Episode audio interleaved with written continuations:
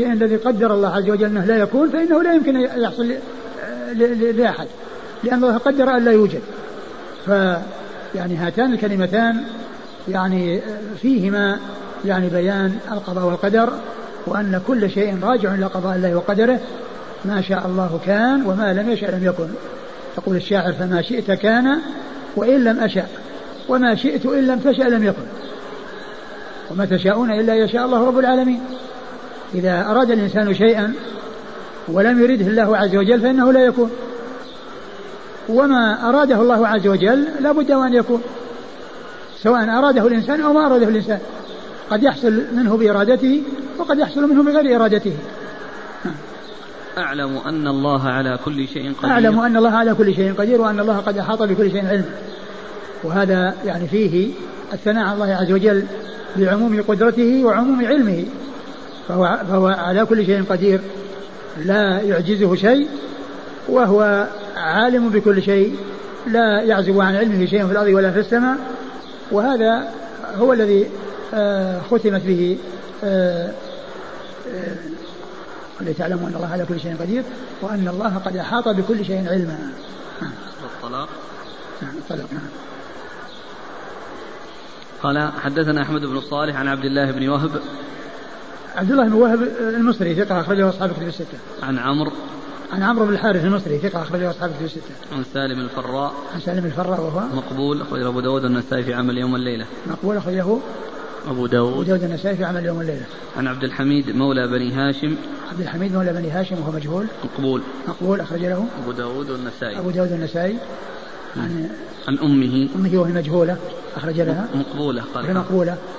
أخرج أبو داود النسائي في عمل يوم الليلة أخرج أبو داود النسائي في عمل يوم الليلة عن بعض بنات النبي. عن بعض بنات النبي صلى الله عليه وسلم. وفيه هؤلاء الثلاثة المقبولين. نعم.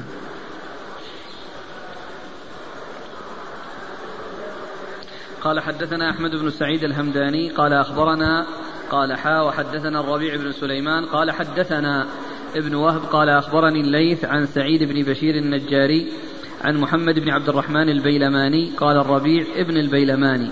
عن أبيه عن ابن عباس رضي الله عنهما عن رسول الله صلى الله عليه وآله وسلم أنه قال من قال حين يصبح فسبحان الله حين تمسون وحين تصبحون وله الحمد في السماوات والأرض وعشيا وحين تظهرون إلى وكذلك تخرجون أدرك ما فاته في يومه ذلك ومن قالهن حين يمسي أدرك ما فاته في ليلته قال الربيع عن الليث. ثم أورد أبو داود حديث ابن عباس. حديث ابن عباس رضي الله تعالى عنهما أن النبي صلى الله عليه وسلم قال من قال حين يمسي فسبحان الله حين تمسون إلى قوله وكذلك تخرجون. نعم. أدرك, أدرك ما فاته. نعم أدرك ما فاته في يومه. أدرك ما فاته في يومه ومن قال حين يصبح أدرك ما فاته في ليلته. ولكن الحديث آه، غير صحيح. يعني فيه فيه من هو متكلم فيه في إسناده. نعم. قال حدثنا أحمد بن سعيد الهمداني. أحمد بن سعيد الهمداني. صدوق خرج أبو داود. صدوق خرج أبو داود. قال أخبرنا ثم قال حا وحدثنا الربيع بن سليمان قال حدثنا. ثم ذكر التحويل بعد الصيغة للإشارة إلى أن الفرق بين الشيخين أن واحد عبر بأخبرنا والثاني عبر بحدثنا. ومن أجل ذلك جاء بالتحويل بعد الصيغة وقبل آه، الشيخ الذي حصلت عنه الرواية. والربيع بن سليمان ثقة أخرج له أصحاب السنن أصحاب السنن هذا الربيع بن سليمان المرادي المرادي نعم عن ابن وهب قال أخبرني الليث آه، بن وهب مر ذكره والليث هو بن سعد المصري ثقة أخرجه أصحاب كتب الستة. عن سعيد بن بشير النجاري. سعيد بن بشير النجاري هو مجهول أخرجه أبو داود. مجهول أخرجه أبو داود. عن محمد بن عبد الرحمن البيلماني. وهو ضعيف أخرج له. أبو داود بن ماجه. أبو داود بن ماجه عن أبيه أيضا وهو ضعيف. أخرج له. أصحاب السنن. أخرجه أصحاب السنن. عن ابن عباس. عن عباس عبد الله بن عباس بن عبد المطلب ابن عم النبي صلى الله عليه وسلم وأحد العباد الأربعة المشهور المشهورين من أصحاب الرسول صلى الله عليه وسلم وأحد السبعة المعروفين بكثرة الحديث عن النبي عليه الصلاة والسلام. قال حدثنا موسى بن إسماعيل قال حدثنا حماد ووهيب نحوه عن سهيل عن أبيه عن ابن أبي عائش وقال حماد عن أبي عياش رضي الله عنه. أن رسول الله صلى الله عليه وآله وسلم قال من قال إذا أصبح لا إله إلا الله وحده لا شريك له له الملك وله الحمد وهو على كل شيء قدير كان له عدل رقبة من ولد إسماعيل وكتب له عشر حسنات وحط عنه عشر سيئات ورفع له عشر درجات وكان في حرز من الشيطان حتى يمسي وإن قالها إذا أمسى كان له مثل ذلك حتى يصبح. ثم أبو داود حديث ابن عائشة وابن عياش وهو صحابي أن النبي صلى الله عليه وسلم قال من قال حين يمسي لا إله إلا الله لا شريك له له الملك وله الحمد وهو على كل شيء قدير كان له عدل رقاب من ولد إسماعيل ورفع له عشر درجات وحط عنه عشر سيئات وكان في حرز من الشيطان حتى يمسي نعم. وكان في الشيطان حتى يمسي ومن قالها إذا أمسى كان له مثل ذلك حتى يصبح. ومن قالها إذا أمسى كان له مثل ذلك حتى يصبح. وهذا يدل على فضل هذا الدعاء وعظم شأنه ومع وجازته يعني فيه هذا الثواب العظيم الذي هو يعادل اعتاق عشر رقاب من ولد إسماعيل وأنه يرفع له عشر درجات ويحط عنه عشر خطيئات. فكلام يسير وعمل يسير وثوابه جزيل وعظيم عند الله سبحانه وتعالى. قال حدثنا موسى بن إسماعيل عن حماد. موسى بن إسماعيل مر ذكره حماد هو بن, بن سلمة بن دينار البصري ثقة أخرجه البخاري تعليقا ومسلم وأصحاب السنة. ووهيب وهيب. مر ذكره. نحوه عن سهيل. يعني نحوه نحوه يعني نحو حديث حماد. عن سهيل هو ابن أبي صالح مر ذكره. عن أبيه عن ابن أبي عائش وقال حماد أبي عياش. عن أبيه عن ابي عن ابن أبي عائش وقال حماد بن عياش. وهو صحابي اخرج له أبو داود والنسائي بن ماجه. اخرج أبو داود والنسائي بن ماجه. قال في حديث حماد فرأى رجل, فرأى رجل رسول الله صلى الله عليه وآله وسلم فيما يرى النائم فقال يا رسول الله إن أبا عياش يحدث عنك بكذا وكذا. قال صدق أبو عياش. هذا هذا قاله يعني هذه الرؤيا يعني لأنها مطابقة لشيء ثابت يعني بالإسناد. ولكن لا يعول على ما يأتي عن طريق الرؤى. ولكن هذا إنما هو مطابق لشيء ثابت عن رسول الله صلى الله عليه وسلم. وأما إذا يعني آه، دعا أحد أنه رأى النبي صلى الله عليه وسلم وأنه قال له افعل كذا أو قال له عن شيء لا يعرف له يعني أساس في السنة ولا يعرف له شيء ثابت عن رسول الله عليه الصلاة والسلام فإنه لا يعول عليه لأن الرسول صلى الله عليه وسلم ما يعني فارق الحياة الدنيا إلا وقد أكمل الله به الدين وأتم على الأمة النعمة كما قال الله عز وجل يوم أكملت لكم دينكم وأتممت عليكم نعمتي ورضيت لكم الإسلام دينا. نعم.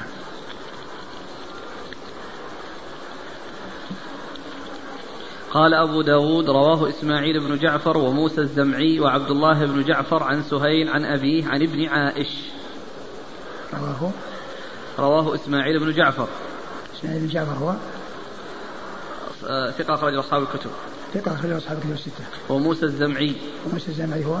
صدوق سيء الحفظ أخرج له البخاري في المفرد وأصحاب السنة. صدوق سيء الحفظ أخرج له البخاري في المفرد وأصحاب السنة. وعبد الله بن جعفر. عبد الله بن جعفر. ضعيف أخرجه الترمذي وابن ماجه. ضعيف أخرجه الترمذي وابن ماجه.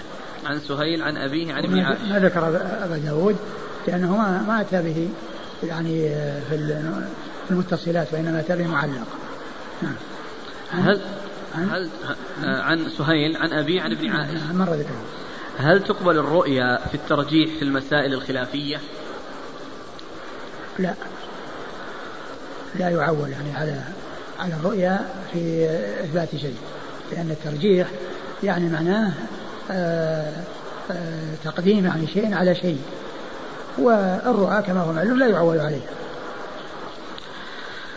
قال حدثنا عمرو بن عثمان قال حدثنا بقية عن مسلم يعني ابن زياد قال سمعت أنس بن مالك رضي الله عنه يقول قال رسول الله صلى الله عليه وآله وسلم من قال حين يصبح اللهم إني أصبحت أشهدك وأشهد قال حدثنا عمرو بن عثمان قال حدثنا بقية عن مسلم يعني ابن زياد قال سمعت أنس بن مالك رضي الله عنه يقول قال رسول الله صلى الله عليه وآله وسلم من قال حين يصبح اللهم إني أصبحت أشهدك وأشهد حملة عرشك وملائكتك وجميع خلقك أنك أنت الله لا إله إلا أنت وحدك لا شريك لك وأن محمدا عبدك ورسولك إلا غفر له ما أصاب في يومه ذلك من ذنب وإن قال حين يمسي غفر له ما أصاب تلك الليلة.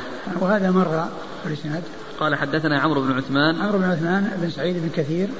الحمصي وهو صدوق أخرجه أبو داود والنسائي وابن ماجه. عن بقية عن بقية بن وليد وهو صدوق أخرجه البخاري تعليقا ومسلم وأصحاب السنن. عن مسلم يعني بن زياد. عن مسلم بن زياد وهو مقبول أخرجه البخاري في المفرد وأبو داود والترمذي والنسائي. أخرجه البخاري في المفرد وأبو داود والترمذي والنسائي. والنسائي. عن أنس بن مالك. عن أنس بن مالك رضي الله عنه خادم رسول الله صلى الله عليه وسلم وأحد السبع المعروفين بكثرة الحديث عن النبي عليه الصلاة والسلام. قال حدثنا إسحاق بن إبراهيم أبو النضر الدمشقي قال حدثنا محمد بن شعيب قال أخبرني أبو سعيد الفلسطيني عبد الرحمن بن حسان عن الحارث بن مسلم أنه أخبره عن أبيه مسلم بن الحارث التميمي رضي الله عنه عن رسول الله صلى الله عليه وآله وسلم أنه أسر إليه فقال إذا انصرفت من صلاة المغرب فقل اللهم أجرني من النار سبع مرات فإنك إذا قلت ذلك ثم مت في ليلتك كتب لك جوار منها. وإذا صليت الصبح فقل كذلك فإنك إن مت في يومك كتب لك جوار منها. أخبرني أبو سعيد عن الحارث أنه قال أسرها إلينا رسول الله صلى الله عليه وآله وسلم فنحن نخص بها إخواننا. ثم ورد أبو داود حديث الحارث. حديث مسلم أو مسلم بالحارث مسلم أو مسلم بالحارث عن أبيه أن النبي صلى الله عليه وسلم قال إذا انصرفت من صلاة المغرب فقل اللهم أجرني من النار فإنها تكون لك سبع مرات تكون لك جوارا من النار. وإذا انصرفت من الصبح تقولها تكون لك جوارا من النار. و وهذا يعني يتعلق ب يعني بالصباح والمساء وهو بعد المغرب وبعد الفجر يعني بعد صلاة الفجر وبعد الصلاة. ولكن الحديث في إسناده هذا الرجل الذي يروي عن أبيه ويعني وهو غير معروف. والجهالة في الصحابي لا تؤثر ولكن الجهالة في من دونه تؤثر. نعم. قال حدثنا إسحاق بن إبراهيم أبو النضر الدمشقي. إسحاق بن إبراهيم بن النضر الدمشقي هو؟ صدوق أخرجه البخاري وأبو داود والنسائي. صدوق أخرجه البخاري وأبو داود و... والنسائي. والنسائي. عن محمد بن شعيب. عن محمد بن شعيب بن شابور وهو؟ صدوق أخرجه أصحاب السنن. صدوق أخرجه أصحاب السنن. عن أبي سعيد الفلسطيني عبد الرحمن بن حسان. عن أبي سعيد الفلسطيني عبد الرحمن بن حسان وهو لا بأس به أخرجه أبو داود لا بأس به بمعنى بمعنى صدوق, صدوق أخرجه أبو داود. والنسائي. أبو داود والنسائي. عن الحارث بن مسلم أنه أخبره عن أبيه.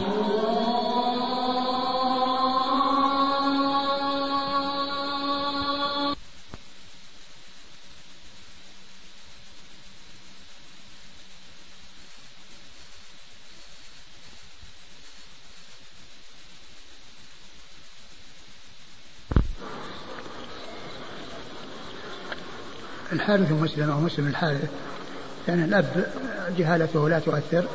وأما الابن الذي هو الراوي عن أبيه وهو مجهول فإن الجهالة فيه تؤثر والصحابة المجهول فيهم في الحكم معلوم وأما غيرهم فلا بد من معرفة حاله كما قال الخطيب في كتابه الكفاية أنه كل ما من راو يعني إلا ويحتاج إلى معرفة حاله من الضعف أو الثقة ما عدا الصحابة فإن المجهول فيهم آه، الجهالة فيه لا تؤثر.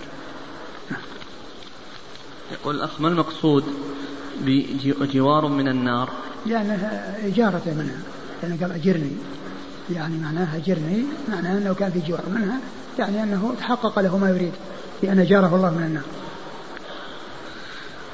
قال أخبرني أبو سعيد عن الحارث أنه قال أسرها إلينا رسول الله صلى الله عليه وسلم فنحن نخص بها إخواننا. يعني معنى كما حصل مقصود أنه لما حصل الإسرار فهم كانوا أيضا يسرون بها. لكن كما هو معلوم الحديث في إسناده يعني هذا الشخص. نعم. قال حدثنا عمرو بن عثمان الحمصي ومؤمل بن الفضل الحراني وعلي بن سهل الرملي ومحمد بن المصفى الحمصي قالوا حدثنا الوليد قال حدثنا عبد الرحمن بن حسان الكناني قال حدثني مسلم بن الحارث بن مسلم التميمي عن أبيه رضي الله عنه أن النبي صلى الله عليه وعلى آله وسلم قال نحوه إلى قوله جوار منها إلا أنه قال فيهما قبل أن يكلم أحدا قال علي بن سهل فيه إن أباه حدثه وقال علي وابن المصفى بعثنا رسول الله صلى الله عليه وآله وسلم في سرية فلما بلغنا المغاز فلما بلغنا المغار استحسست فرسي فسبقت أصحابي وتلقاني الحي بالرنين فقلت لهم قولوا لا إله إلا الله وحده تحرزوا فقالوها فلامني أصحابي وقالوا حرمتنا الغنيمة فلما قدمنا على رسول الله صلى الله عليه وآله وسلم أخبروه بالذي صنعت فدعاني فحسن لي ما صنعت وقال أما إن الله قد كتب لك من كل إنسان منهم كذا وكذا؟ قال عبد الرحمن فأنا نسيت الثواب. ثم قال رسول الله صلى الله عليه وآله وسلم أما إني سأكتب لك بالوصاة بعدي. قال ففعل وختم عليه فدفعه إلي وقال لي ثم ذكر معناه وقال ابن المصفى قال سمعت الحارث بن مسلم بن الحارث التميمي يحدث عن أبيه ثم ورد الحديث من طريق أخرى وفيه زيادة نعم مش قال بعثنا رسول الله صلى الله عليه وسلم في سرية نعم. فلما بلغنا المغار استحسست فرسي فسبقت أصحابي نعم. وتلقاني الحي بالرنين الحي بالرنين يعني بالأصوات والحركات نعم.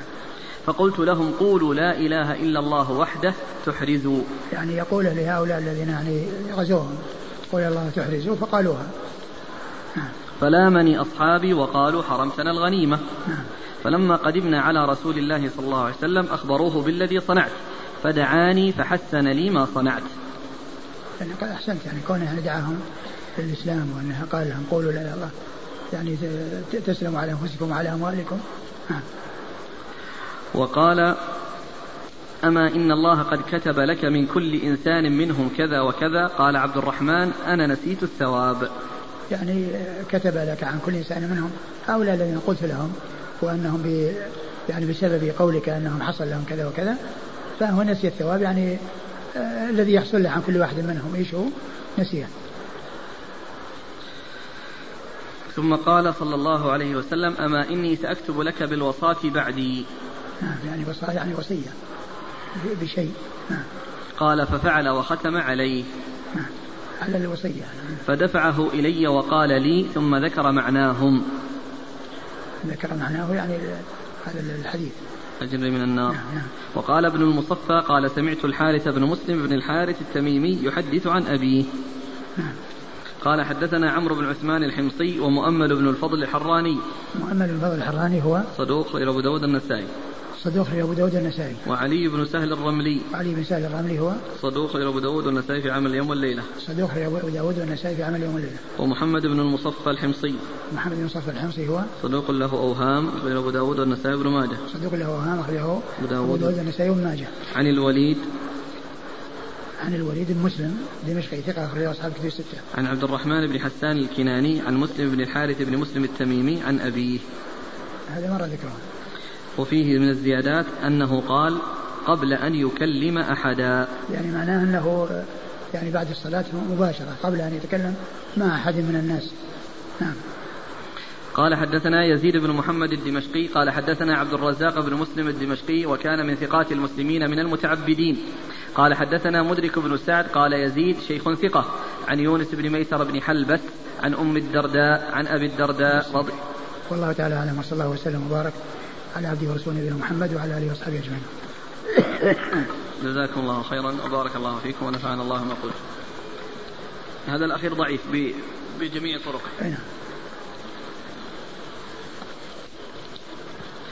سؤال متكرر. هو معلق بعد في الأول في الآخر. هو معلق. لكن دعاني وقال لي ثم ذكر معناه. نعم بس إنه معلق هو في الأول في الأخير الثاني. الإسناد. الإسناد في الطريقة الثانية. إيه؟ إيش قال فيه؟ قال حدثنا عمرو بن عثمان الحمصي ومؤمل بن الفضل الحراني وعلي بن سهل الرملي. نعم نعم متصل نعم متصل. أحسن الله إليك آه، آه، كثر السؤال عن هذه أذكار الصباح والمساء. وقت البداية وقت النهاية. الصبح متى يبدأ؟ الصبح كما هو معلوم يبدأ من طلوع الفجر. النهار يبدأ من طلوع الفجر. وكونه يأتي بها بعد الصلاة بعد صلاة الفجر وقبل صلاة المغرب هو الأولى. ولكن إذا لم يأتي بها قبل المغرب يأتي بها بعد المغرب. يعني يكون في أول الليل وأول النهار. وإن أتى بها في طرفي النهار لأن يكون يعني يعني لأن هذه مساء قال آخر النهار وقال المساء نعم.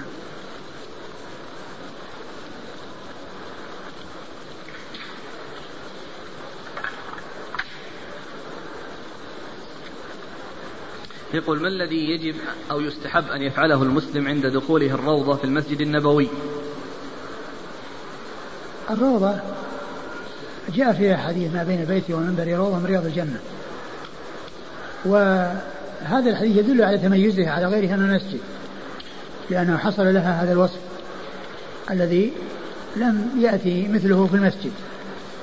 وعلى هذا فإن الصلاة فيها لها ميزة وذلك بالنسبة للنافلة. أما بالنسبة للفريضة فإن الصفوف التي أمامها أفضل منها وأولى منها لقوله صلى الله عليه وسلم خير صفوف الرجال أولها والشر آخرها وقول لا يعلم الناس ما في النداء والصف الأول. ثم يجدوا إلا أن يستهموا عليه يستهموا عليه. ولقوله صلى الله عليه وسلم أتموا الصف الأول فالأول. وتموا بي وليأتم بكم بعدكم ولا يزال القوم يتأخرون حتى يؤخرهم الله. فالنافلة لا شك أن لها ميزة لوجود هذه الخصيصة لها في الفضل. وأما بالنسبة للفرض فإن الصفوف التي أمامها أفضل منها. وهل الروضة من الأماكن التي يتحرى فيها إجابة الدعاء؟ على كل نفس أقول المساجد كلها هي الأماكن التي هي خير البقاع كما جاء في صحيح مسلم أحب البلاد إلى الله مساجدها وأبغض البلاد إلى الله أسواقها. وهي محل ذكر الله عز وجل ودعائه ولا شك أن الدعاء فيها أرجى من غيره. وأما بالنسبة للروضة فلها هذا الفضل ولا شك أن كل إنسان يدعو بها يرجى أن يحقق الله له ما يريد. هل يجوز صبغ الشعر هل يجوز صبغ الشعر بالسواد وتغييره؟ وذلك للمرأة الشابة التي ليس عندها شيب. السواد يعني إذا كان شعرها أسود فأي حاجة إلى الصبغ بالسواد؟ ثم أيضا هذا الصبغ ما ندري عن حقيقته. هل هو يغير اللون فقط أو يكون طبقة تغطي الشعر؟ فإذا كان في تغطية للشعر فهذا غير جائز. لأن لأن لأن المسح يعني وكذلك الأحكام التي تتعلق تتعلق بالشيء الظاهر مثل الجسد. الإنسان إذا كان عليه شيء يغطيه لابد أن يزيله حتى يصل إليه الماء. و إلا إذا كان يعني شيء لا يغير لا, لا يغطي ولكنه يغير اللون فقط مثل الحنة. إذا وضع على اليد أو وضع في الرأس أو في الشعر فإنه لا لا يغطيه ولكنه يغير لونه. فهذه الأصباغ ما ندري عن حقيقتها. وإذا كان شعرها أسود فأي حاجة إلى الصبغ بالسواد؟ جزاكم الله خيرا وبارك الله فيكم ونفعنا الله ما قلت. بسم الله الرحمن الرحيم. الحمد لله رب العالمين. الرحمن الرحيم. مالك يوم الدين. والصلاة والسلام على عبد الله ورسوله نبينا محمد وعلى آله وصحبه أجمعين. أما بعد قال الإمام أبو داود السجستاني يرحمه الله تعالى في باب ما يقول إذا أصبح. ذكر أحاديث منها قال حدثنا يزيد بن محمد الدمشقي قال حدثنا عبد الرزاق بن مسلم الدمشقي وكان من ثقات المسلمين من المتعبدين. قال حدثنا مدرك بن سعد قال يزيد شيخ ثقة عن يونس بن ميسر بن حلبس عن أم الدرداء عن أبي الدرداء رضي الله عنه أنه قال من قال إذا أصبح وإذا أمسى حسبي الله لا إله إلا هو عليه توكلت وهو رب العرش العظيم سبع مرات كفاه الله ما أهمه صادقا كان بها أو كاذبا. بسم الله الرحمن الرحيم. الحمد لله رب العالمين وصلى الله وسلم وبارك على عبده ورسوله نبينا محمد وعلى آله وأصحابه أجمعين. أما بعد فقد سبق أن مر في الدرس الماضي جملة من الأحاديث التي تحت هذه الترجمة وهي باب ما يقوله إذا أصبح. وبقي جملة منها وأولها هذا الحديث عن أبي الدرداء رضي الله تعالى عنه أن أنه قال قال أبو الدرداء من قال حين يصبح آه، حسبي الله لا إله إلا هو عليه توكلت وهو رب العرش العظيم سبع مرات كفاه الله ما اهمه آه، صادقا أو صادقا بها كان أو كاذبا. صادقا بها كان أو كاذبا. هذا أثر عن أبي الدرداء رضي الله تعالى عنه ومثله لا يقال بالرأي لأن مثل يعني هذا الكلام وكونه يصير فيه هذا الأجر وأنه بهذا العدد الذي هو سبع مرات يعني يقول هذا الكلام لا يقال من قبل الرأي. لكن في آخره يعني يعني هذا لفظ مشكل ويقوله صادقا أو كاذبا. فإن تحصيل هذا الأجر إنما يحصله من كان يعني صادقا في طلبه ومستحضرا يعني هذا الثواب ويرجو يعني من الله عز وجل أن يحقق له. وأما أن يقولها وهو غير صادق يعني فهذا يعني إشكال. وإن كان بعض العلماء يعني فسره وقال إنه يعني لم يكن مثل الإنسان الذي كان مستحضرا ولكنه قال ذلك وهو ليس عنده الاستحضار و وليس معرضا وإنما ليس عنده الاستحضار ولكن له لا شك أنه آه، يعني منكر و والألباني يعني آه، يعني ضعف الحديث على بأن بكونه مرفوعا إلى رسول الله صلى الله عليه وسلم وقال إنه منكر. وأما المتن فيما يتعلق بكونه موقوف فهذا صحيح الإسناد. وليس فيه إشكال إلا ما يتعلق بهذه الجملة.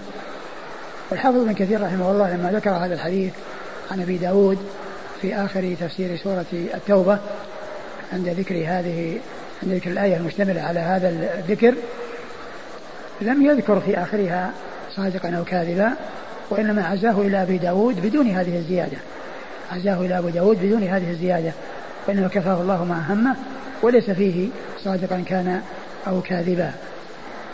فالحاصل أن كونه موقوف وأن أن يعني صحيح وله حكم الرفع وأما هذه الزيادة فهي يعني فيها إشكال وأما كونه مسندا ومرفوعا إلى رسول الله صلى الله عليه وسلم فقد جاء من طريق يعني منكرة يعني فيها مخالفة ضعيف للثقات.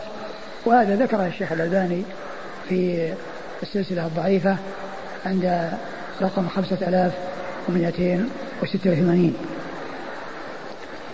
آه، وعلى هذا فإن كونه موقوف يعني هو ثابت وله حكم الرفع والزيادة التي فيها في آخره فيها إشكال يعني في كونها بهذا الإسناد عن أبي الدرداء. وأما الذي هي فيه مع كونه مرفوعا إلى رسول الله صلى الله عليه وسلم حيث قال قال رسول الله صلى الله عليه وسلم فهي منكرة. كما قال الشيخ الألباني رحمه الله. وفي ضعيف أبي داود للألباني قال موضوع وهي كلمة لا شك أنها خطأ ولعلها جاءت بدل موقوف. يعني بدل موضوع يعني جاءت بدل موقوف جاءت موضوع. وإلا فإنه قال منكر. يعني في والمنكر هو هو هو المرفوع إلى رسول الله صلى الله عليه وسلم. وهذه اللفظة لا شك أنها فيها نكارة يعني في متن في المتن. وكما يعني جاء في تفسير ابن كثير ليس عزا الحديث إلى أبي داود وليس فيه هذه الزيادة. نعم. قالوا صادقا كان بها؟ أو كاذبا. نعم صادقا أو كاذبا هذه اللي ما ذكرها. الطريق المرفوع. فيها لا فيها لا. لا الطريق المرفوع. نفس هذا الطريق الموقوف. هو من طريق هو نفس الطريق الا ان فيها شخص تحت الفلسطيني هذا. لأن النسائي أخرج الحديث في عمل اليوم والليلة آه. أو لابن السني. مرفوع ولا موقوف؟ مرفوع. آه. يقول حدثني أحمد بن سليمان الجرمي. قال حدثنا أحمد بن عبد الرزاق. قال حدثني أحمد بن عبد الرزاق هذا هو الذي فيه. هذا هو هو الضعيف. بعدين يتصل إسناد. عن جدي عبد الرزاق بن نعم نعم نعم. عن مدرك بن سعد. هو هذا. لكن عن أبي الدرداء عن النبي صلى الله عليه وسلم. نعم. بس هذا هو اللي هو أحمد اللي هو ابن عبد الرزاق هو ضعيف. وليس فيه زيادة. من قال في كل يوم حين يصبح وحين يمسي حسبي الله لا إله إلا هو. عليه توكلت وهو رب العرش العظيم. سبع مرات كفاه الله عز وجل همه من أمر الدنيا والآخرة. ما فيه صادقا وكاذبا عند النسائي؟ لا. آه.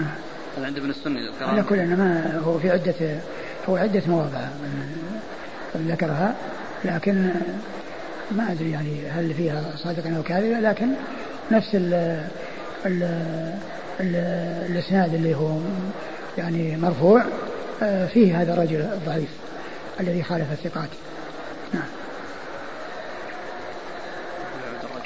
ولكن هي منكرة حتى في كلام حتى في كلام أبي الدرداء آه، اللفظ منكر. قال حدثنا يزيد بن محمد الدمشقي. يزيد بن محمد الدمشقي هو صدوق صدوق أبو داود النسائي. صدوق أبو داود النسائي. عن عبد الرزاق. عبد الرزاق بن مسلم الدمشقي. عبد الرزاق بن مسلم الدمشقي وهو صدوق وهو ثقة. صدوق وهو صدوق أخرج له. أبو داود. أبو داود. قال وكان من ثقات المسلمين من المتعبدين. يعني هذا الذي هو تلميذه الذي هو يزيد بن محمد وصفه بأنه ثقة. نعم. قال حدثنا مدرك بن سعد. حدثنا مدرك بن سعد وهو لا بأس به رجل أبو داود. وش قال فيه وكان ثقة. قال, قال يزيد, يزيد شيخ ثقة. قال يزيد شيخ ثقة نعم. عن يونس بن ميسرة بن حلبس. يونس بن ميسرة بن حلبس وهو صدوق. ثقة أخرج أبو داود ثقة أخرج أبو داود. والترمذي وابن ماجه. أبو داود والترمذي وابن ماجه. عن أم الدرداء. عن أم الدرداء وهي هجيمة التابعية. وهي ثقة أخرجها أصحاب الكتب الستة. عن أبي الدرداء وهو نفيع آه نفيع بن أبو الدرداء. عويم عويم نعم. وهو صحابي أخرجه أصحاب الكتب الستة. قال حدثنا محمد بن المصفى قال حدثنا ابن أبي فديك قال أخبرني ابن أبي ذئب عن أبي أسيد البراد عن معاذ بن عبد الله بن خبيب عن أبيه رضي الله عنه أنه قال خرجنا في ليلة مطر وظلمة شديدة نطلب رسول الله صلى الله عليه وآله وسلم ليصلي لنا فأدركناه فقال أصليتم؟ فلم أقل شيئا فقال قل فلم أقل شيئا. ثم قال قل فلم أقل شيئا ثم قال قل فقلت يا رسول الله ما أقول قال قل قل هو الله أحد والمعوذتين حين تمسي وحين تصبح ثلاث مرات تكفيك من كل شيء. ثم ورد أبو داود حديث حديث عبد الله بن خبيب. عبد الله بن خبيب رضي الله عنه أنهم قالوا خرجنا في ليلة مظلمة نطلب رسول الله صلى الله عليه وسلم ليصلي لنا فأدركناه فقال أصليتم فسكت فقال قل فسكت ثم قال له ثم قال بعد ذلك لا, لا أدري ماذا أقول. قال قل فقلت يا رسول الله ما أقول؟ قلت يا رسول الله ما أقول. قال قل هو يعني قل هو الله أحد وقل أعوذ برب الفلق ورب الناس. تقولها ثلاث مرات إذا أصبحت وإذا أمسيت تكفيك عن كل شيء. نعم. تكفيك عن كل شيء. وهذا فيه يعني الاتيان بقراءة هذه السور الثلاث والإتيان بها ذلك ثلاث مرات يعني في الصباح والمساء وأنها تكفي وفسرت الكفاية بأنها تكفي عن غيرها وقيل إنها تكفي من كل شر وتكفي من كل سوء. واللفظ يعني فيه إشكال بقوله أصليتم قوله أصليتم. فإن مثل هذا السؤال يتطلب نعم أو لا. يتطلب الجواب بنعم أو لا أصليتم وهو سكت. وهي موجودة بين شرطتين. يعني مما يفيد أنها الكلام يعني قبلها وبعدها متصل. لا إشكال فيه. لأنه قال قل بدون قوله أصليتم. وعلى هذا يكون هو لا يدري ماذا يقول. ولكن كونه يقول أصليتم الجواب يقول نعم أو لا. جواب السؤال نعم أو لا صلينا ولا ما صلينا. فذكرها هنا يعني غير غير واضح. يعني من من, من ناحية أن أن أنه يعني سئل ثم سكت. ثم بدا له قل فقال قل هو الله أحد. فيكون يعني بدونها بدون هذه الزيادة التي يعني بين الشرطتين أو المعكوفتين يعني يكون كلام مستقيما. يعني قال له قل يعني والمقصود أنه لا يدري ماذا يقول فقال له قل هو الله أحد. يعني يقرأ قل هو الله أحد يقرأ قل هو قل هو قل هو الناس. تكفيك. قال حدثنا محمد بن المصفى. محمد بن المصفى هو صدوق له أوهام. صدوق له أوهام أخرج حديثه. أبو داود والنسائي بن ماجه. أبو داود والنسائي بن ماجه. عن ابن أبي فديك. عن ابن أبي فديك وهو صدوق أخرجه أصحاب كتب الستة. عن ابن أبي ذئب. عن ابن أبي ذئب وهو محمد بن ابن عبد الرحمن بن إبراهيم. محمد بن عبد الرحمن بن مغيرة. ابن أبي ذئب وهو ثقة أخرجه أصحاب كتب الستة. عن أبي أسيد البراد. عن أبي أسيد البراد وهو صدوق أخرج البخاري في المفرد وأصحاب السنن صدوق أخرج البخاري في المفرد وأصحاب السنن عن معاذ بن عبد الله بن خبيب. عن معاذ بن عبد الله بن خبيب وهو صدوق ربما وهم أخرج البخاري. صدوق ربما وهم أخرج له البخاري المفرد وأصحاب السنن البخاري في المفرد وأصحاب السنن عن أبيه. عن أبيه وهو صحابي أخرج له البخاري في المفرد وأصحاب السنن البخاري في المفرد وأصحاب السنن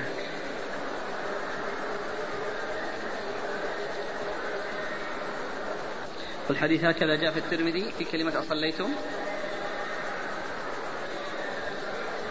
والله ما أتذكر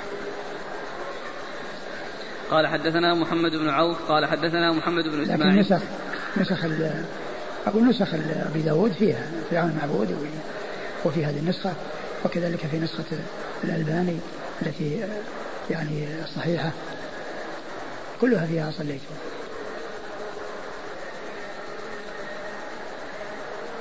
قال حدثنا محمد بن عوف قال حدثنا محمد بن إسماعيل قال حدثني أبي قال ابن عوف ورأيته في أصل إسماعيل.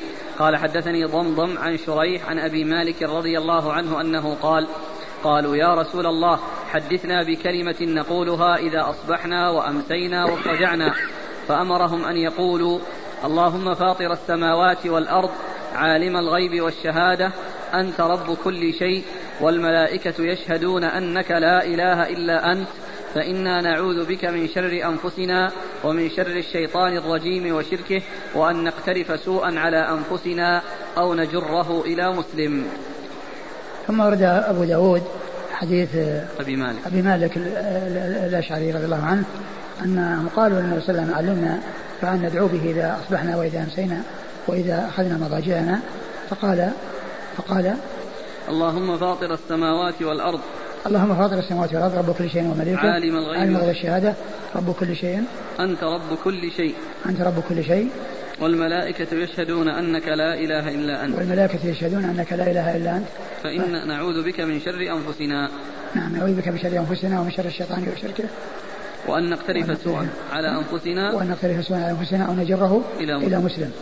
وهذا يعني دعاء يعني بعضه جاء في حديث آه أبي بكر رضي الله عنه تقدم في أول حديث في الباب تقدم في أول حديث في الباب. يعني جاء أول فيه وفيه يعني زيادات. وهذه الزيادة ذكر ذكر الألباني أن لها شواهد ولهذا صححها في السلسلة الصحيحة نعم. قال حدثنا محمد بن عوف محمد بن عوف هو ثقة أخرج حديثه أبو داود النسائي في مسند علي عن محمد بن إسماعيل. محمد بن إسماعيل هو ابن أبي ابن إسماعيل بن عياش أبو بكر بن عياش وهو عابوا عليه أنه حدث عن أبيه من غير سماع وأخرجه أبو داود. نعم. أخرجه أبو داود. عن أبيه. عن أبيه وهو ثقة أخرج له. صدوق في رواية عن أهل بلده. في رواية عن في رواية عن أهل بلده. نعم وهذا من رواية عن أهل بلده. أخرج له البخاري في رفع اليدين وأصحاب السنن البخاري في رفع اليدين وأصحاب السنن قال ابن عوف ورأيته في أصل إسماعيل. قال ابن عوف ورأيته في أصل إسماعيل. يعني أصل كتابه الذي هو أصله. نعم. قال حدثنا ضمضم. ضمضم هو ابن زرع الحمصي صدوق يهم أخرجه أبو داود وابن ماجه في التفسير. صدوق يهم أخرجه أبو داود وابن ماجه في التفسير. عن شريح عن شريح وهو ثقة أخرجه أبو داود والنسائي وابن ماجه. ثقة أخرجه أبو داود والنسائي وابن ماجه. عن أبي مالك. عن أبي مالك الأشعري رضي الله عنه هو صحابي أخرج له البخاري تعليقا ومسلم وأبو داود والنسائي وابن ماجه. البخاري تعليقا ومسلم وأبو داود وابن ماجه. والنسائي. أبو داود البخاري. البخاري تعليقا ومسلم وأبو داود والنسائي وابن ماجه. وأبو داود والنسائي وابن ماجه. أحسن الله يكتب أن الشيخ الألباني صححه. أي نعم. وفي الضعيف أبي داود. المنقول على النسخ أنه لا هو ضعيف لكن هناك صححه في صحيحة لشواهد.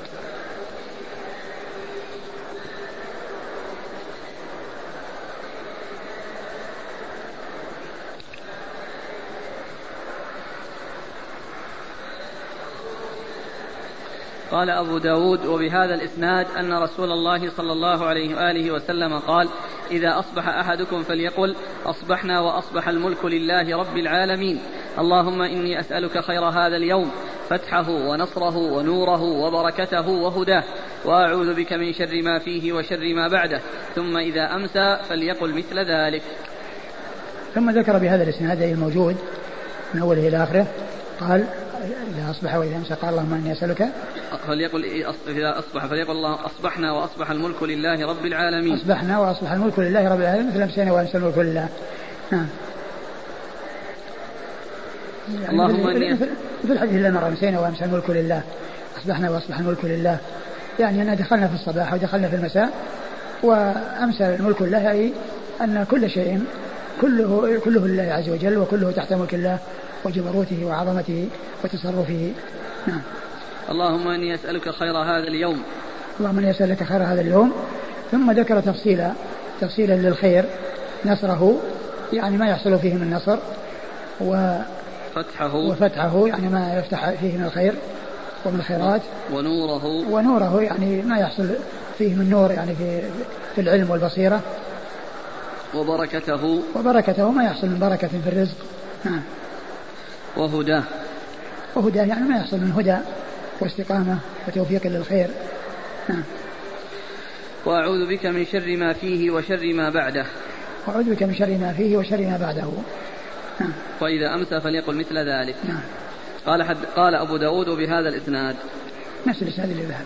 قال حدثنا كثير بن عبيد قال حدثنا بقية بن الوليد عن عمر بن جعثم عن عمر بن جعثم قال حدثني الأزهر بن عبد الله الحرازي قال حدثني شريق الهوزني قال دخلت على عائشة رضي الله عنها فسألتها بما كان رسول الله صلى الله عليه وآله وسلم يفتتح إذا هب من الليل؟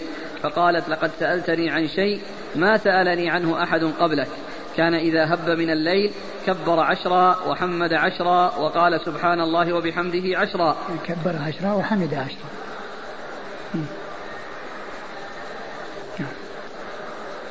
كان إذا هب من الليل كبر عشرا وحمد عشرا وقال سبحان الله وبحمده عشرا وقال سبحان الملك القدوس عشرا واستغفر عشرا وهلل عشرا ثم قال اللهم إني أعوذ بك من ضيق الدنيا وضيق يوم القيامة عشرا ثم يفتتح الصلاة. ثم أورد أبو داود حديث عائشة رضي الله عنها أن قال أن رجلا دخل عليها شريك الهوزني فسأل عائشة بما كان صلى الله عليه وسلم نعم يفتتح إذا شريك الهوزني سأل عائشة بما كان يفتتح صلاته من الليل فقالت إنه إذا هب من نومه إذا كبر عشرا كبر عشرا قال الله أكبر عشر مرات وحمد الحمد لله عشر مرات و سبحان الله وبحمده. سبحان الله وبحمده عشرا سبحان الملك القدوس. سبحان الملك القدوس. عشرا عشرا واستغفر عشرا واستغفر عشرا وهلل عشرا وهلل عشرا ثم قال اللهم إني أعوذ بك من ضيق الدنيا وضيق يوم القيامة. أعوذ بك من ضيق الدنيا يعني ما يحصل من ضيق وضنك في الحياة الدنيا وكذلك ما يحصل من ضنك وضيق في الدار الآخرة. عشرا كذلك. نعم. ثم يفتتح الصلاة. ثم يفتتح الصلاة يعني صلاتها من الليل. نعم. يناسب الباب؟ وهذا هذا لفظ لا يناسب الباب. لأن يعني هذا يتعلق ب يعني بما يقومه يعني إذا تعرى من الليل يعني هو الذي يناسبه. أو إذا قام من الليل أو استيقظ من النوم من النوم نعم. قال حدثنا كثير بن عبيد كثير بن عبيد الحمصي هو قال أخرج أبو داود ثقة أخرجه أبو داود والنسائي بن ماجه. ثقة أخرج أبو داود والنسائي بن ماجه. عن بقية بن الوليد. بقية بن الوليد صدوق أخرجه البخاري تعليقا ومسلم وأصحاب السنن عن عمر بن جعثم. عن عمر بن جعثم وهو مقبول. أخرجه أبو داود والنسائي مقبول أخرجه أبو داود والنسائي عن الأزهر بن عبد الله الحرازي. عن الأزهر بن عبد الله الحرازي وهو صدوق. صدوق. أخرجه أبو داود والترمذي والنسائي. أخرجه أبو داود والترمذي والنسائي. عن شريق الهوزني. عن شريق الهوزني وهو مقبول أخرجه أبو داود والنسائي. نعم. عن عائشة. عن عائشة رضي الله عنها. والحديث يعني صح الألباني لكن له شواهد. نعم. يقول لماذا قال؟ أو متابعات يعني من جاء من غير الطريق اللي فيه المقبولين. نعم. يقول لماذا قال عنه الشيخ حسن صحيح؟ الظاهر إنه يعني يعني في في, في عند عند ابن ماجه بإسناد يعني قوي. النسائي. أو عند النسائي. أو عند ابن ماجه. وعزاه هنا إلى من؟ النسائي آه. اظن في الماجه كان في النسائي زيادة ولا هو هناك عزاه إلى ابن ماجه. وقال المنذري اخرجه النسائي وفي إسناده بقية بن وليد فيه مقال. لا هذا غير. الإسناد الآخر ليس بقية. اللي عند ابن ماجه؟ نعم. طيب يقول كيف صفة العمل بهذا الحديث؟ هل التكبير في الصلاة أم خارجها؟ لا قبل. يعني قال ثم دخل في الصلاة. ثم دخل ثم في الصلاة. ثم افتتح صلاته. قال حدثنا أحمد بن صالح قال حدثنا عبد الله بن وهب قال أخبرني سليمان بن بلال عن سهيل بن أبي صالح عن أبيه عن أبي هريرة رضي الله عنه أنه قال كان رسول الله صلى الله عليه وعلى آله وسلم إذا كان في سفر فأسحر يقول سمع سامع بحمد الله ونعمته وحسن بلائه علينا اللهم صاحبنا فأفضل علينا عائذا بالله من النار. ثم ورد أبو داود حديث أبي هريرة. أن الإنسان كان إذا سفر إذا كان في سفر فأسحر. يعني جاء وقت السحر. أسحر يعني جاء وقت السحر. يعني مثل أمسى دخل في المساء ومثل أتهم وأنجد. يعني دخل في تهامة أو مشى في تهامة أو مشى في نجد قال أنجد. و وهكذا. يعني فهو, من هذا القبيل. أسحر يعني دخل في السحر. قال سمع سامع. فسر بأنه شاهد شهد شاهد. أو ليشهد شاهد بأننا نعتقد كذا أو نقول كذا. نعم. شهد سمع سامع بحمد الله ونعمته وحسن نعم. بلائه علينا. بحمد الله ونعمته. بحمد الله ونعمته وحسن بلائه علينا. يعني نعترف ونقر بفضل الله عز وجل علينا وإنعامه علينا وإحسانه إلينا. اللهم صاحبنا فأفضل علينا. اللهم صاحبنا يعني كن صاحبا لنا في السفر في الجامعة اللهم أنت صاحب في السفر. فأفضل علينا تفضل علينا وجد علينا بفضلك وإحسانك. نعم. عائذا بالله من النار. عائذا بالله من النار يعني آه، مستعيذا بالله من النار. نعم. قال حدثنا أحمد بن صالح. أحمد بن صالح المصري ثقة أخرج حديث البخاري وأبو داود والترمذي في الشمائل. عن عبد الله بن وهب. عبد الله بن الوهب المصري ثقة أخرجه أصحاب كتب الستة. عن سليمان بن بلال. سليمان بن بلال ثقة أخرجه أصحاب كتب الستة. عن سهيل بن أبي صالح. عن سهيل بن أبي صالح وهو صدوق أخرج له أصحاب كتب الستة وحديثه في البخاري مقرون. عن أبيه. عن أبيه أبو صالح ذكوان السمان ثقة أخرجه أصحاب كتب الستة. عن أبي هريرة عبد الرحمن بن صخر الدوسي صاحب رسول الله عليه الصلاة والسلام وهو أكثر الصحابة حديثا. قال حدثنا ابن معاذ قال حدثنا أبي قال حدثنا المسعودي قال حدثنا القاسم قال كان أبو ذر رضي الله عنه يقول من قال حين يصبح اللهم ما حلفت من حلف أو قلت من قول أو نذرت من نذر فمشيئتك بين يدي ذلك كله. ما شئت كان وما لم تشأ لم يكن. اللهم اغفر لي وتجاوز لي عنه. اللهم فمن صليت عليه فعليه صلاتي ومن لعنت فعليه لعنتي. كان في استثناء يومه ذلك أو قال ذلك اليوم. كان في استثناء يومه ذلك. كان في استثناء يومه ذلك. كان في استثناء يومه ذلك. نعم. انتهى. أو قال ذلك اليوم. نعم. ثم أورد أبو داود حديث. أبي ذر. حديث أبي ذر رضي الله عنه أبي ذر الغفاري.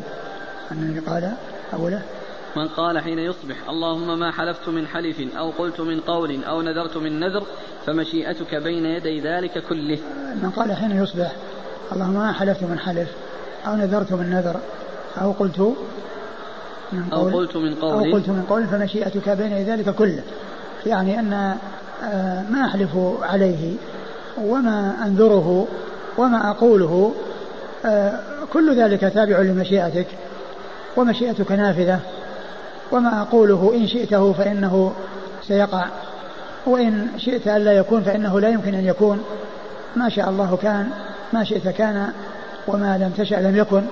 يعني ما آه، سبقت به مشيئة الله وإرادته وقضاءه وقدره فإنه لا بد وأن يوجد. وما سبق في علم الله وقضائه أنه لا يوجد فإنه لا سبيل إلى وجوده.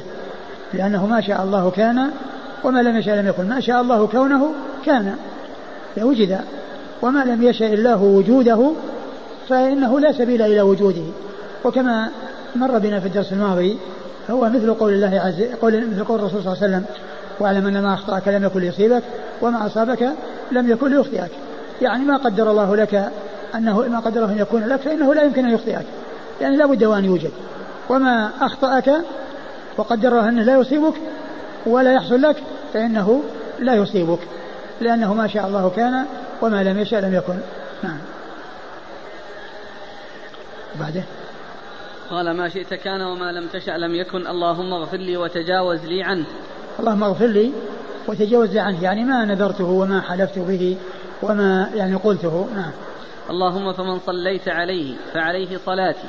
ومن لعنت فعليه لعنتي. اللهم من صليت عليه فعليه صلاتي ومن لعنت فعليه لعنتي أنا أي أنا متابع لك. أصلي على من صليت عليه وألعن من لعنت. فيعني آه، آه، مدحي تابع لمدحك وذمي تابع لذمك. فمن ذممته ذممته ومن مدحته مدحته. نعم. كان في استثناء يومه ذلك. كان في استثناء يعني انه يعني آه، يعني يسلم يعني في يومه ذلك الذي قال فيه هذا الكلام. ومن؟ أو قال ذلك اليوم. أو قال ذلك اليوم يعني يعني شك هل قال يومه ذلك أو ذلك اليوم. والحديث في إسناده المسعودي والألباني ضعفه. نعم.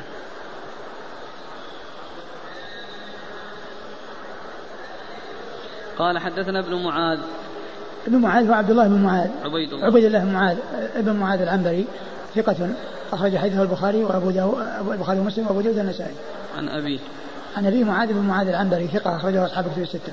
عن المسعودي. المسعودي عبد الرحمن بن عبد الله المسعودي وهو صدوق اختلط. نعم. البخاري تعليقا وأصحاب السنن. البخاري تعليقا وأصحاب السنن. عن القاسم عن القاسم. عن القاسم يعني يحتمل أن يكون القاسم محمد ويحتمل القاسم بن عبد الرحمن الدمشقي وهو وهو الذي معروف بالرواية عن عن من هو شيخه؟ أبو ذر. أبو ذر نعم. وفي ترجمة المسعودي ليس له من الشيوخ إلا قاسم بن عبد الرحمن. قاسم بن عبد الرحمن؟ ولا يوجد القاسم بن محمد. كما في تهذيب الكمال. تهذيب الكمال؟ في عون معبود في عون معبود احتمالين. احتمال هذا نعم. القاسم بن عبد الرحمن بن عبد الله بن مسعود. لكن إذا كان ما له رواية في الكتب الستة إلا عن ابن عبد الرحمن يعني معناه ذاك يعني لا, لا, لا, لا يكون يعني شيخا له. فيها. نعم. أخرجه البخاري وأصحاب السنن. أخرجه البخاري وأصحاب السنن. عن أبي ذر. عن أبي ذر وهو جندب بن جنادة رضي الله عنه وحديثه هو صحابي أخرج حديث أصحاب الكتب الستة. هل يقال له حكم الرفع؟ نعم. هل يقال له حكم الرفع؟ آه بس هو بس هو من ناحية الثبوت غير ثابت وإلا لا شك يعني له حكم الرفع. نعم. قال رواية المسعودي نعم. قال حدثنا عبد الله بن مسلمة قال حدثنا أبو مودود عمن سمع أبان بن عثمان يقول سمعت عثمان بن عفان سمعت عثمان يعني بن عفان رضي الله عنه يقول سمعت رسول الله صلى الله عليه وآله وسلم يقول من قال بسم الله الذي لا يضر مع اسمه شيء في الأرض ولا في السماء وهو السميع العليم ثلاث مرات لم تصبه فجأة بلاء حتى يصبح ومن قالها حين يصبح ثلاث مرات لم تصبه فجأة بلاء حتى يمسي. قال فأصاب أبان بن عثمان الفالج. فجعل الرجل الذي سمع منه فجعل الرجل الذي سمع منه الحديث ينظر إليه. فقال له ما لك تنظر إلي؟ فوالله ما كذبت على عثمان ولا كذب عثمان على النبي صلى الله عليه وآله وسلم ولكن اليوم الذي أصابني فيه ما أصابني غضبت فنسيت أن أقولها. ثم ورد أبو داود حديث عثمان بن عفان رضي الله عنه من قال آه، إذا أصبح أو إذا أمسى بسم الله الذي لا يضر معه شيء في الأرض ولا في السماء والسماء العليم لم لم يصبه لم يصبه فجأة.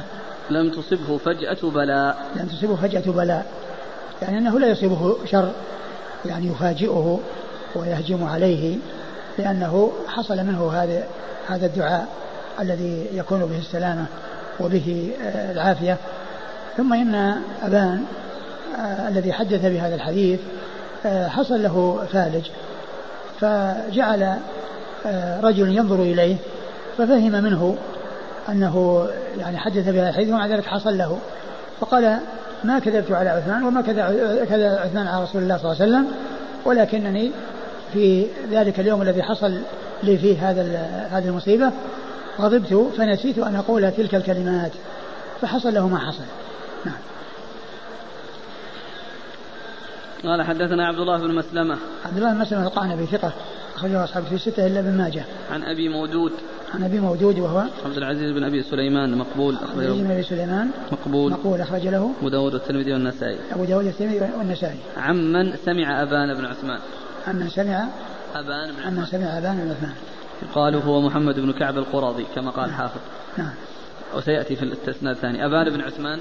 نعم أبان بن عثمان ثقة أخرج له. البخاري في المفرد ومسلم وأصحاب السنة. البخاري في المفرد ومسلم وأصحاب السنة. عن عثمان بن عفان. عن عثمان بن عفان رضي الله عنه أمير المؤمنين وثالث الخلفاء الراشدين الهادي المهديين صاحب المناقب الجمة والفضائل الكثيرة وحديثه عند أصحاب الكتب الستة. هل هذا يكون الإسناد الثاني؟ وهذا الإسناد والإسناد الثاني. قال حدثنا نصر بن عاصم الأنطاكي قال حدثنا أنس بن عياض قال حدثني أبو مودود عن محمد بن كعب عن أبان بن عثمان عن عثمان رضي الله عنه عن النبي صلى الله عليه وسلم نحوه لم يذكر قصة الفالج. ثم آه ذكر الإسناد إيش؟ قال حدثنا نصر بن عاصم الأنطاكي. مقبول أخرج له لين الحديث. لين الحديث أخرجه. أبو داود. عن أنس بن عياض. أنس بن عياض ثقة. أخرج أصحاب الكتب الستة. عن أبي مودود عن محمد بن كعب. عن محمد بن كعب القرظي ثقة أخرج أصحاب الكتب الستة. عن أبان عن عثمان. عن أبان عثمان لكن فيه إسناد آخر غير هذا الإسناد يعني بهذا المعنى ذكره الألباني. فيه أبو داود يعني أبو داود الطيالسي.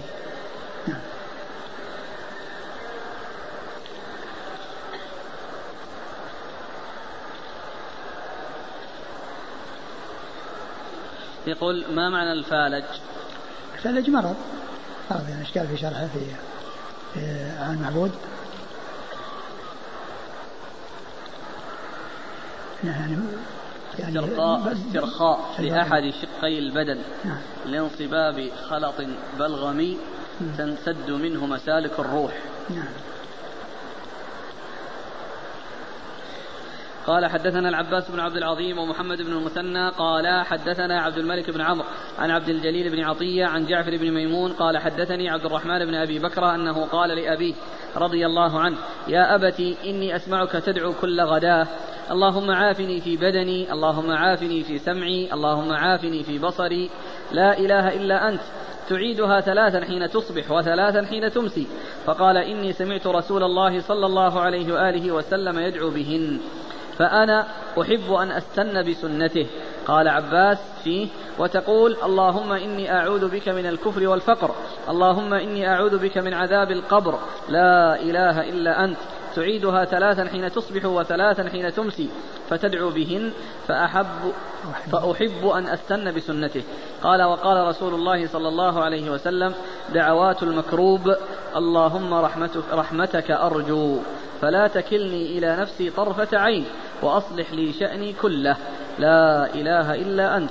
وبعضهم يزيد على صاحبه. ثم أرد أبو حديث أبي بكر رضي الله عنه أنه قال يقول له ابنه يا أبت إني أسمعك تدعو كل غداة. نعم. اللهم عافني في بدني اللهم عافني في سمعي اللهم عافني في بصري. اللهم عافني في بدني. هذا لفظ عام يدخل فيه السمع والبصر ولكنه من عطف الخاص على العام. وذلك لعظم شأن السمع والبصر وإلا فإنها داخلة تحت البدن والعافية في البدن لأنها من جملة البدن. نعم. اللهم عافني في بدني اللهم عافني في سمعي اللهم عافني في بصري لا إله إلا أنت. نعم. تعيدها ثلاثا حين تصبح وثلاثا حين تمسي فقال إني سمعت رسول الله صلى الله عليه وسلم يدعو بهن فأنا أحب أن أستن بسنته. قال عباس فيه وتقول اللهم إني أعوذ بك من الكفر والفقر. يعني الشيخ الثاني زاد يعني هذا اللفظ. نعم. أحد الشيخين زاد هذا اللفظ. نعم. اللهم إني أعوذ بك من عذاب القبر لا إله إلا أنت. تعيدها ثلاثا حين تصبح وثلاثا حين تمسي فتدعو بهن فأحب أن أستن بسنته. وهذا يدلنا على ما كان لأصحاب رسول الله صلى الله عليه وسلم من الحرص الشديد على اقتفاء آثار الرسول عليه الصلاة والسلام واتباعهم له وحرصهم على آه، الاتيان بما كان يأتي به الرسول صلى الله عليه وسلم سواء كان ذلك في الأقوال أو الأفعال رضي الله عنهم وأرضاهم نعم وقال رسول الله صلى الله عليه وسلم دعوات المكروب اللهم رحمتك أرجو فلا تكلني إلى نفسي طرفة عين وأصلح لي شأني كله لا إله إلا أنت قال حدثنا العباس بن عبد العظيم عباس بن عبد العظيم العنبري ثقة أخرجه البخاري تعليقا ومسلم وأصحاب السنن. ومحمد المثنى. محمد المثنى العنزي أبو موسى ثقة أخرجه أصحاب الكتب الستة هو شيخ لأصحاب الكتب الستة. عن عبد الملك بن عمرو. عبد الملك بن عمرو هو وعامر العقدي وهو ثقة أخرجه أصحاب الكتب الستة. عن عبد الجليل بن عطية. عبد الجليل بن عطية هو صدوق يهم. صدوق يهم أخرج له. البخاري في المفرد وأبو داود والنسائي. البخاري في المفرد وأبو داود والنسائي. الجليل من أسماء الله؟ ها؟ والله ما أعرف يعني أقول ما أعرف يعني شيء بهذا. عن جعفر بن ميمون عن جعفر بن ميمون وهو صدوق يخطئ صدوق يخطئ أخرجه البخاري جزء قراءة وأصحاب السنة عن عبد الرحمن بن أبي بكرة عن عبد الرحمن بن أبي بكرة هو ثقة أخرجه أصحاب الكتب. نعم. أصحاب الكتب الستة. عن أبيه أبي بكرة وهو نفيع بن الحارث رضي الله عنه صحابي أخرجه أصحاب الكتب الستة. وفي التقريب يعني في جعفر بن ميمون رمز له برا فقط مع أنه آه، البخاري في جزء القراءة وأصحاب السنة. هذا أي طبعة؟ طبعة هذه هذه طبعة ما زين طبعة الأشبال. لا الطبعة اللي عندنا أحسن من طبعة عبد الحكيم. نعم. وش الإسناد؟ أقول سقطها يعني رقم الأربعة منها. و وال والمزي في آخر ترجمته قال يعني رواه البخاري في القراءة والباقون إلا مسلم. وهذه يعني هذا من أحسن ما يعني يرجع فيه إلى معرفة آه، آه، الرموز. وهل هي خطأ أو صح أو صحيحة؟ لأنه لأن المزي في آخر الترجمة يذكر من خرج له بالأسماء. يقول أخرج له مسلم أخرج له البخاري أخرج له الأربعة أخرج له فلان وفلان أبو داود الترمذي يسمي. يعني في آخر ترجمة كل راوي. عندما عندما يختم الترجمة يقول أخرج له فلان وفلان.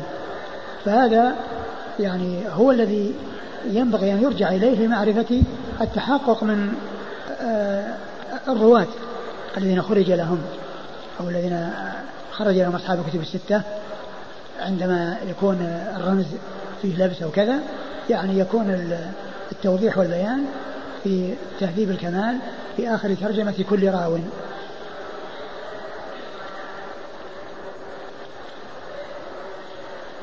الإسناد نعم. وش فيه الإسناد مستقيم.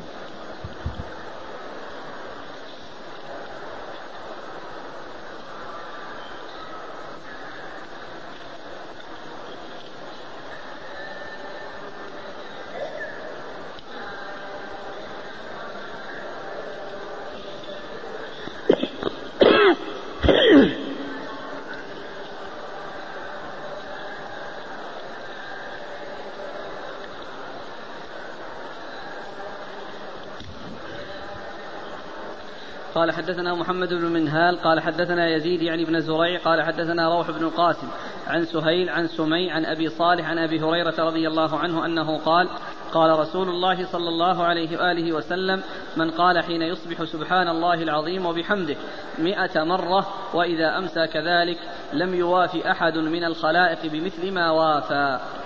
ثم ورد أبو داود حديث أبي هريرة رضي الله عنه أن النبي صلى الله عليه وسلم قال من قال حين يصبح وحين يمسي سبحان الله وبحمده مئة مرة لم يوافي أحد من الخلق مثل ما وافى. يعني أنه جاء بعمل عظيم يعني وافى به. لم يكن أحد مثله لأنه أتى بهذا الذكر العظيم الذي آه، وصف من أتى به بأنه لم يوافي أحد بمثل ما وافى. نعم. قال حدثنا محمد بن منهال. محمد بن منهال هو؟ ثقة أخرج البخاري ومسلم وابو النسائي. ثقة أخرجه البخاري ومسلم وابو النسائي. عن يزيد يعني بن زريع. يزيد بن زريع ثقة أخرجه أصحاب الكتب الستة. عن روح بن القاسم. روح بن القاسم وهو ثقة أخرج له. أصحاب الكتب إلا الترمذي. أصحاب الكتب الستة إلا الترمذي. عن سهيل عن سمي. عن سهيل مرة ذكره سمي ومولى أبي بكر بن عبد الرحمن بن حارث بن هشام وهو ثقة أخرجه أصحاب الكتب الستة. عن أبي صالح عن أبي هريرة. عن أبي صالح عن أبي هريرة وقد مر ذكرهما.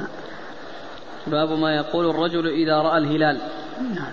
قال حدثنا موسى بن إسماعيل قال حدثنا أبان قال حدثنا قتادة أنه بلغه الله عليه وآله وسلم كان إذا رأى الهلال قال هلال خير ورشد هلال خير ورشد هلال خير ورشد آمنت بالذي خلقك ثلاث مرات ثم يقول الحمد لله الذي ذهب بشهر كذا وجاء بشهر كذا.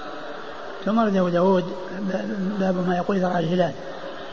إذا رأى الهلال في أول الشهر عندما يهل الهلال ويراه الإنسان لأول مرة فإنه آه ماذا يقول؟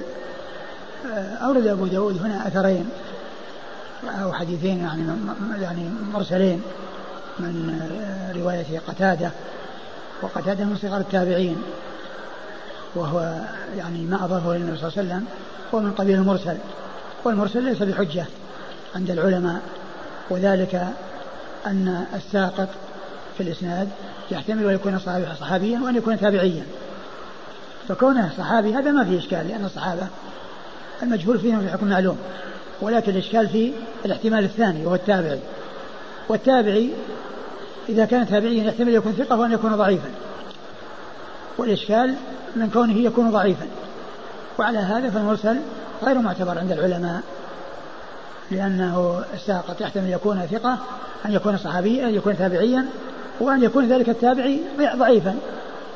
ولا بد من معرفة آه، آه، من دون الصحابي من معرفة حاله.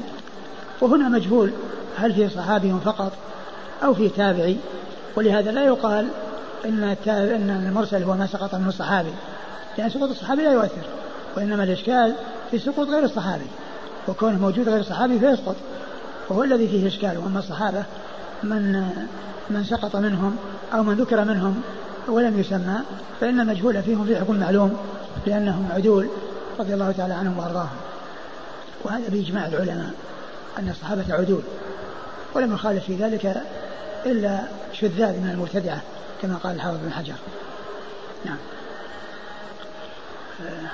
عن قتادة أنه بلغه أن النبي صلى الله عليه وسلم كان إذا رأى الهلال قال نعم. هلال أورد هذا قتادة أنه بلغه النبي إذا رأى الهلال قال هلال خير ورشد هلال خير ورشد هلال خير الحمد لله سبحان من خلقك.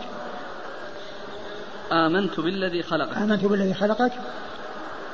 الحمد ثلاث لله. مرات ثم يقول ثم يقول الحمد, الحمد لله, لله الذي ذهب بشهر كذا وأتى بشهر كذا. يعني معناه الشهر الماضي يسميه والشهر الذي دخل يسميه. يعني مثلا الحمد لله الذي ذهب بشهر شوال وأتى بشهر ذي القعدة. يعني معناه يسمي هذا ويسمي هذا. يعني كلمة كذا هذه لفظ يعني آه، إشارة إلى يعني شيء غير معين يصدق على أشياء متعددة فإنه يصدق على كل شهر. يعني إذا كان مضى يقال شهر كذا وإذا كان دخل يقال شهر كذا. لكن هذا غير غير صحيح وغير ثابت لأنه منقطع. نعم. قال حدثنا موسى بن إسماعيل. موسى بن إسماعيل تبوذكي ثقة أخرجه أصحاب كتب الستة. عن أبان. عن أبان بن يزيد العطار ثقة أخرجه أصحاب كتب الستة إلى ابن ماجه. عن قتادة. عن قتادة من دعانا السدوسي البصري ثقة أخرجه أصحاب كتب الستة. قال حدثنا محمد بن العلاء أن زيد بن حباب أخبرهم عن أبي هلال عن قتادة أن رسول الله صلى الله عليه وآله وسلم كان إذا رأى الهلال صرف وجهه عنه. انتهى. بعدين قال أبو داود ليس عن النبي صلى الله عليه وسلم في هذا الباب حديث مسند صحيح. آه، ثم قال يعني عن قتادة يعني مسندا إلى رسول الله صلى الله عليه وسلم أنه كان يرى الهلال صرف وجهه عنه صرف وجهه يعني لم يستقبله لم يستقبله. و وهذا كما يعني كما هو معلوم مثل الذي قبله مرسل لأن آه، قتادة من صغار التابعين. فالكلام في السابق هو الكلام في هذا. ثم قال أبو داود لم يثبت ليس عن النبي صلى الله عليه وسلم في هذا الباب حديث مسند صحيح. ليس عن النبي صلى الله عليه وسلم في هذا الباب حديث مسند صحيح لكن في حديث وهو اللهم أهله علينا بالأمن والإيمان والسلامة والإسلام والتوفيق لما تحب وترضى ربي وربك الله. فإن هذا يعني قد جاء وقد ذكر الألباني في صحيح الكلم الطيب بأن بأنه صحيح لشواهده وأن له شواهد. نعم. قال حدثنا محمد بن العلاء. محمد بن العلاء بن كريب أبو كريب البصري ثقة أخرجه أصحاب كتب الستة. عن زيد, زيد بن الحباب وهو صدوق في البخاري في القراءة ومسلم وأصحاب السنن صدوق في البخاري في القراءة ومسلم وأصحاب السنن عن أبي هلال. عن أبي هلال وهو ضعيف. محمد بن سليم الهلالي صدوق فيه لين صدوق فيه لين أخرج البخاري تعليقا وأصحاب السنن أخرج البخاري تعليقا ومسلم. في مسلم؟ لا. البخاري تعليقا وأصحاب السنن عن قتادة. عن قتادة وقد مر ذكره. والله تعالى أعلم وصلى الله وسلم وبارك على عبده ورسوله نبينا محمد وعلى آله وأصحابه أجمعين. جزاكم الله خيرا وبارك الله فيكم ونفعنا الله بما قلتم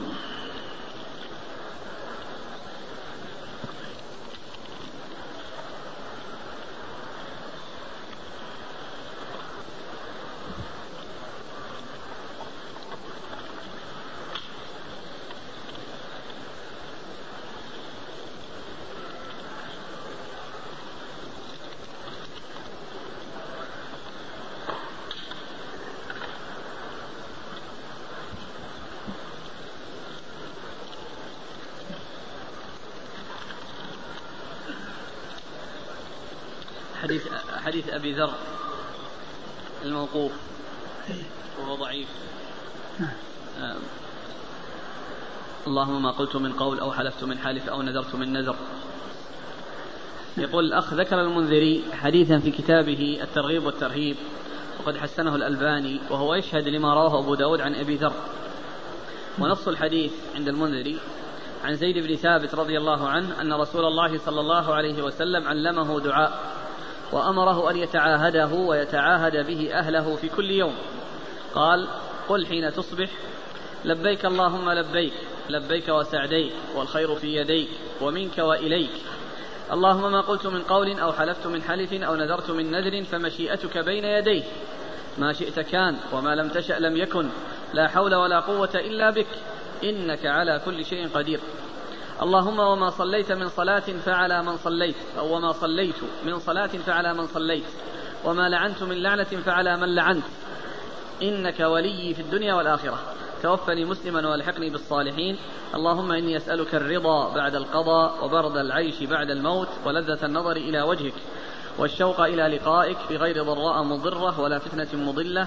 وأعوذ بك اللهم أن أظلم أو أظلم أو أعتدي أو يعتدى علي أو أكتسب خطيئة أو ذنبا لا تغفره.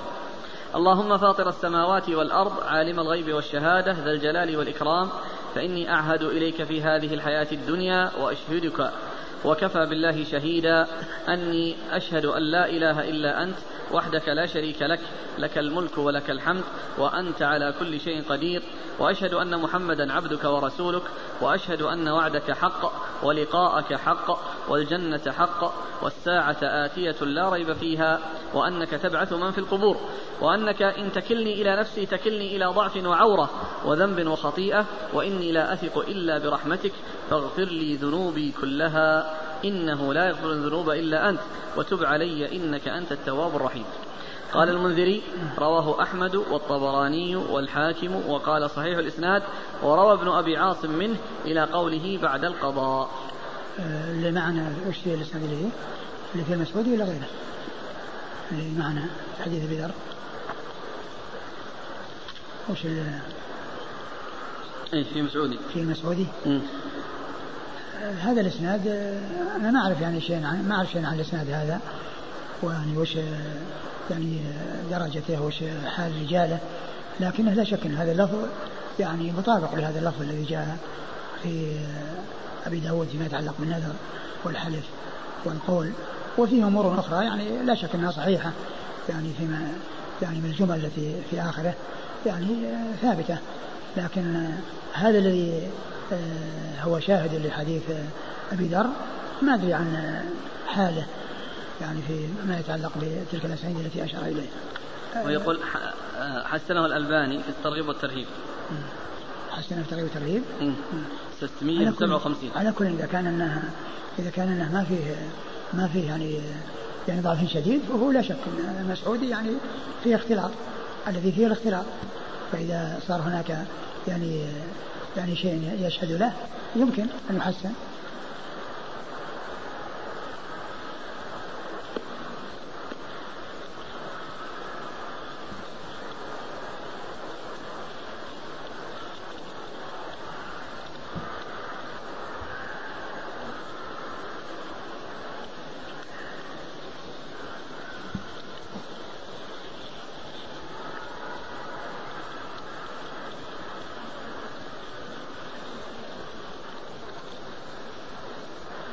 يقول هل يصح أن يقال إن محمدا صلى الله عليه وسلم هو أول السلف؟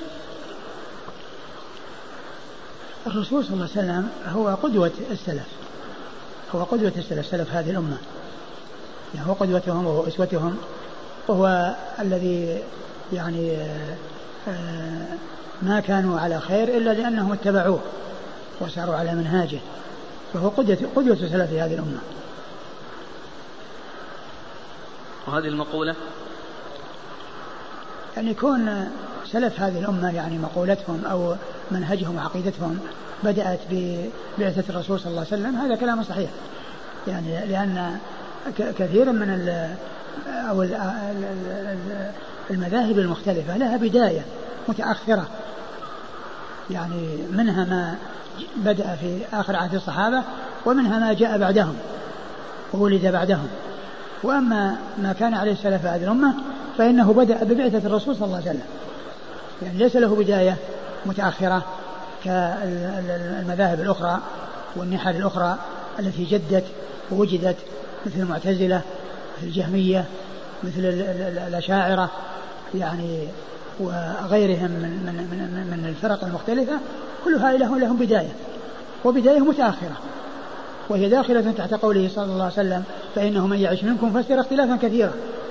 فإن هذه المذاهب المختلفة هي من الاختلاف الكثير الذي جد وولد بعد زمنه صلى الله عليه وسلم. وأما سلف هذه الأمة فليس لهم بداية مثل ما أن لغيرهم بداية محددة في التاريخ بل ما هم عليه بدأ ببعثة الرسول صلى الله عليه وسلم. ما هم عليه بدأ ببعثة الرسول صلى الله عليه وسلم ولهذا قال ولهذا هم الذين يتبعون السنن. والذي أرشد إليه الرسول صلى الله عليه وسلم بعدما ذكر هذا الاختلاف فإنه من يعش منكم فسيرى اختلافا كثيرا قال فعليكم بسنتي. فهم على سنته وعلى منهجه وعلى طريقته. صلوات الله وسلامه وبركاته عليه. نعم. يقول رجل يريد أن يؤدي عمرة عن نفسه ووالده وزوجته. والده متوفى. مع في آن واحد وإحرام واحد. العمرة لا تتوزع على أشخاص وإنما تكون لشخص واحد له أو لغيره له أو لواحد غيره.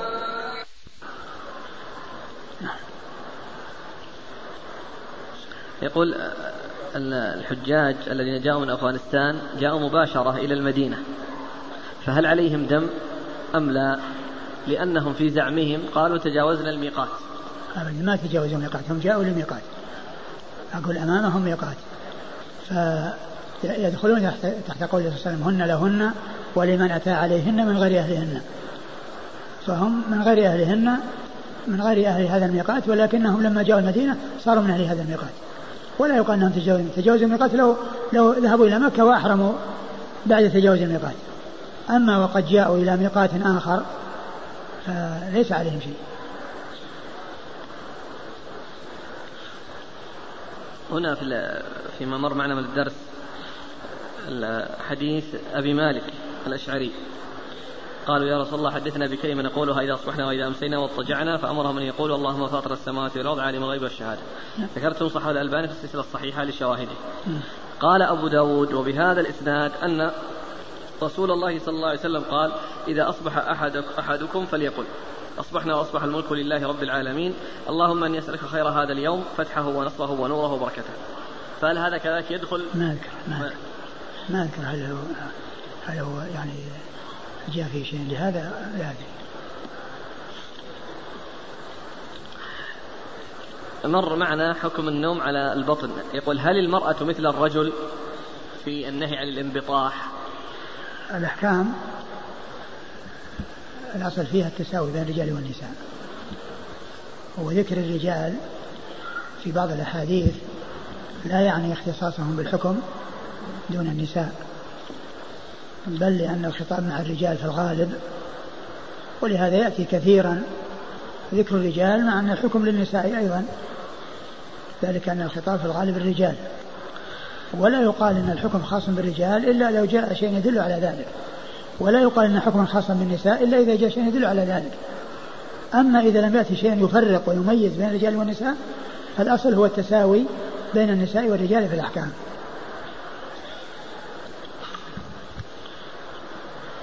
يقول من المعلوم أن المؤمن تبشره الملائكة قبل موته بالجنة والكافر تبشره بالنار ولكن المسلم الفاسق الذي شاء الله أن يعذبه في النار ثم يخرجه بماذا يبشر؟ الله أعلم. الله أعلم لكنه يعني ما دام أنه يعني ليس ليس كافرا يعني هو لا شك أنه يعني مآله إلى الجنة وهو من أهل الجنة إما في أول الأمر وإما في نهاية الأمر. في أول الأمر إن تجاوز الله عنه وفي نهاية الأمر إن لم يشاء الله تجاوز عنه ولكن شاء تعذيبه على ما حصل منه فكيف يبشر؟ لا أدري الله أعلم. الذي يقول إن معنى حديث الصورة هو أن الله خلق آدم على صورة آدم نفسه مع أنه يثبت الصورة والوجه لله. هل يبدع ويغلظ عليه؟ وهل أهل السنة اختلفوا في معنى الحديث؟ جمهور أهل السنة على أن الضمير يرجع إلى الله عز وجل. وأن الله تعالى خلقه على صورته وفسروا ذلك بأنه سميع بصير متكلم وإن كان ما يضاف إلى الله عز وجل من السمع والبصر والكلام يليق به وما يضاف إلى الإنسان من السمع والبصر والكلام يليق به آه هذا هو المشهور عند أهل السنة. وقد جاء عن بعضهم وهو ابن خزيمة أنه قال أنه يرجع إلى آدم وأن الضمير يرجع إلى آدم. يرجع إلى آدم جاء عن آه، الإمام ابن خزيمة رحمه الله. ولكن المشهور عند أهل السنة هو القول الأول. ما هو تعريف الظلم عند أهل السنة وعند الجبرية وما الفرق بينهما؟ الظلم عند أهل السنة وضع الشيء في غير موضعه. وضع الشيء في غير موضعه. هذا هو الظلم. أما بالنسبة للجبرية ف فعقيدتهم فيما يتعلق بأعمال الإنسان أنه مجبور عليها مجبور عليها وليس له إرادة ولا مشيئة ليس له إرادة ولا مشيئة. وأما تفسيرهم للظلم ما ما ما أدري. هل يجوز وصف الله عز وجل بأنه فقيه بالواقع أو أفقه بالواقع من غيره؟ لا يضاف إلى الله عز وجل شيء لم يرد وإنما يعني يؤتى بشيء قد ورد أو بشيء يعني آه، من الإخبار عنه بشيء يعني يليق به. أما أن يؤتى بعبارات أو أي عبارات تضاف إلى الله عز وجل فالأصل الإنسان يعني يبتعد أن يضيف إلى الله أشياء يترتب عليها محذور أو تكون لا تليق بالله سبحانه وتعالى. الله تعالى عالم بكل شيء بما يقع وما لا يقع ما يكون وما لا يكون. هذا هو الذي يقال في حق الله عز وجل. الله عالم بكل شيء واقع أو غير واقع كائن أو غير كائن. الواقع هو الكائن. يعني وقع وما لم يقع كان وما لم يكن كل ذلك يعلمه الله عز وجل. أما يعني يعبر يعني يفقه كذا أو كذا مثل هذه العبارات لا تصلح لا يصلح الإنسان يستعملها. هل من منهج السلف أن نقول إن صفات الله قديمة النوع حادثة الآحاد أم هذا خاص بالكلام فقط؟ الكلام قديم النوع حادث الآحاد ولكن هناك أفعال يعني بعمومها يقال أنها أفعال الله قديمة النوع حادثة الآحاد. لكن لا يقال إن كل فعل من أفعاله يكون قديم قديم قديم يعني نفسه قديم قديم النوع. نعم يعني كون الله يعني يفعل ما يشاء قديم هذا لا بداية له. لكن هناك أفعال مثل النزول إلى السماء هذا ما حصل إلا بعد ما خلقت السماوات والأرض. يعني ينزل إلى سماء الدنيا هذا كما هو معلوم ومجيئه يوم القيامة يحصل يوم القيامة. مجيئه يحصل يوم القيامة. وهذا كله داخل تحت كل فعال لما يريد. يعني ينزل هذا داخل تحت مشيئته وإرادته ويجيء يوم القيامة يدخل تحت مشيئته وإرادته لكن لا يقال أن هذه قديمة. مجيء يوم القيامة قديم ونزوله إلى السماء الدنيا قديم. لكن أفعاله أو نوع أفعاله قديم. يعني يفعل ما يشاء يفعل ما يشاء لا بداية لاتصافه بذلك. وأما الجزئيات أو يعني الأشياء التي تدخل تحت هذا العموم فمنها ما يحصل في الوقت الذي شاء الله تعالى أن يحصل مثل مجيء يوم القيامة لفصل القضاء. من صفات الله أنه يجيء لفصل القضاء لكن لا يقال إن مجيء لفصل القضاء قديم لأن هذا إنما يحصل إنما يحصل يوم القيامة. فإذا يمكن أن يقال كما قيل إن كلام الله نوعه قديم وأحاده حادثة يقال إن إن الله تعالى متصف بأنه بأنه يفعل ما يشاء يعني وأنه لا بداية لاتصافه بذلك لكن آه، هناك جزئيات لا يقال إنها من من النوع القديم بل هي مما يحصل في الوقت الذي شاء الله تعالى يحصل مثل مجيئه لفصل القضاء هذا يحصل يوم القيامة ما يحصل في الأزل كونه يجيء لأنه يأتي عندما يأتي يوم القيامة يأتي لفصل القضاء. هذا الأخ يفيد بأن قول أبي داود وبالإسناد نفسه إذا أصبح عليكم فليقل أصبحنا وأصبحنا الحمد لله رب العالمين. الشيخ ضعفه في سنن أبي داود لكنه حسنه في صحيح الجامع برقم 352 وفي المشكات 2412 إذا يمكن فيه شاهد يعني مثل ما عندك شاهد. يقول آه، يدرسنا أحد المشايخ وعندما جاء إلى باب الحسد بدأ يذكر كلام مفاده أن كلام السلف بعضهم في بعض ككلام الذهلي في البخاري وكلام يحيى بن معين في أحمد وكلام النسائي في أحمد بن صالح وكلام أحمد بن صالح في النسائي وكلام ابن أبي ذئب في مالك كل هذا كان منشأه الحسد ومن قبيل الحسد. الله تعالى أعلم بالواقع والحقيقة. جزاكم الله خيرا وبارك الله فيكم ونفعنا الله ما قلت. بسم الله الرحمن الرحيم. الحمد لله رب العالمين والصلاة والسلام على عبد الله ورسوله نبينا محمد وعلى آله وصحبه أجمعين. أما بعد قال الإمام أبو داود السجستاني يرحمه الله تعالى باب ما يقول إذا خرج من بيته. قال حدثنا مسلم بن إبراهيم قال حدثنا شعبة عن منصور عن الشعبي عن أم سلمة رضي الله عنها أنها قالت ما خرج النبي صلى الله عليه وآله وسلم من بيتي قط إلا رفع طرفه إلى السماء فقال اللهم إني أعوذ بك أن أضل أو أضل أو أزل أو أزل أو أظلم أو أظلم أو أجهل أو يجهل علي. بسم الله الرحمن الرحيم. الحمد لله رب العالمين وصلى الله وسلم وبارك على عبده ورسوله نبينا محمد وعلى آله وأصحابه أجمعين. أما بعد فيقول الإمام أبو داود السجستاني رحمه الله تعالى باب ما يقوله إذا خرج من بيته أي الدعاء الذي يدعو به عندما يخرج من بيته. وقد أورد أبو داود حديث أم سلمة رضي الله عنها أن النبي صلى الله عليه وسلم آه، إذا خرج من بيتها رفع رأسه إلى السماء وقال اللهم إني أعوذ بك أن أضل أو أضل أو أزل أو أزل أو أظلم أو أظلم أو أجهل أو يجهل علي. هذا هو الدعاء الذي كان يدعو به الرسول صلى الله عليه وسلم. وقوله في أول حديث رفع رأسه إلى السماء كان المقصود به الإشارة إلى علو الله عز وجل. لأنه يخاطب الله ويدعوه ويقول اللهم ويرفع رأسه إلى السماء وفي ذلك إشارة إلى علو الله سبحانه وتعالى. وهذا الدعاء مشتمل على أربع جمل. آه الجملة الأولى اللهم أني أعوذ بك أن أضل أو أضل أو أضل أو أضل. يعني محتمل. الأولى أضل يعني من كون آه، يحصل له الضلال. أو أضل يعني أن يضله غيره أن يضله غيره. أو أنها على أو أو أضل يعني أو أضل غيري. يعني يحصل مني الإضلال لغيري. فهو يسأل الله عز وجل أن يحفظه من أن يضل بنفسه أو يضله غيره أو هو يضل غيره.